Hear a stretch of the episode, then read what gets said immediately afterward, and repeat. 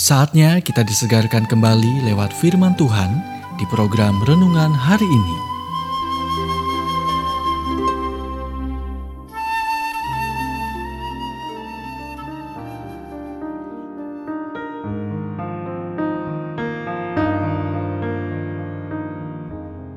Renungan hari ini berjudul Apa arti sebuah nama? Semuanya, bagian yang kedua. Nats firman Tuhan diambil dari 2 Tawarik 20 ayat 15. Janganlah kamu takut dan terkejut karena laskar yang besar ini, sebab bukan kamu yang akan berperang melainkan Allah.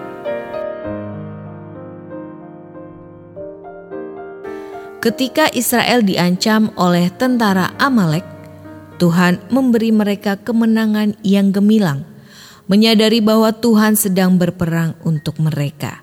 Musa membangun sebuah mesbah untuk Yahweh Nisi, Tuhan Panjiku. Memerangi pertempuran kita sendiri bukanlah ide Tuhan.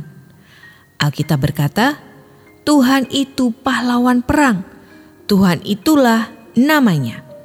Tuhan akan berperang untuk kamu dan kamu akan diam saja. Jangan takut atau putus asa karena pertempuran ini bukan milikmu, tapi milik Tuhan. Sebagai manusia, kita menjadi lelah dan putus asa karena kita terus berusaha untuk berjuang dengan kekuatan kita sendiri.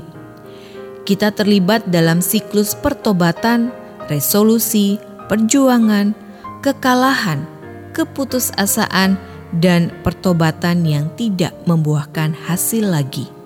Satu-satunya konflik spiritual yang pernah berhasil dimenangkan adalah yang Tuhan perjuangkan untuk kita. Dia tidak mengharapkan kita untuk memenangkan pertempuran, tetapi membiarkan Dia memenangkannya atas nama kita. Tapi, bukankah kita juga harus bertaruh? Anda bertanya, "Ya, kita harus bertandinglah dalam pertandingan iman yang benar." Perjuangan kita bukanlah usaha pertempuran yang melelahkan. Ini adalah pertempuran kepercayaan. Tapi bukankah kita seharusnya bergulat seperti yang dilakukan Yakub?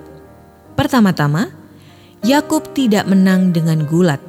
Dia menang karena dianggap terlalu lemah untuk terus bergulat.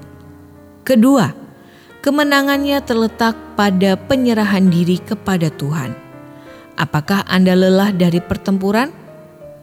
Apakah Anda di ujung tali Anda? Maka Anda berada di tempat yang Tuhan inginkan. Lepaskan dan percayakan Yahweh Nisi untuk menang untuk Anda. Karena pertempuran ini bukan milikmu, tapi milik Tuhan. Berdiri dan nyatakan bersama Paulus, "Ketika aku lemah, maka aku kuat." Anda baru saja mendengarkan renungan hari ini.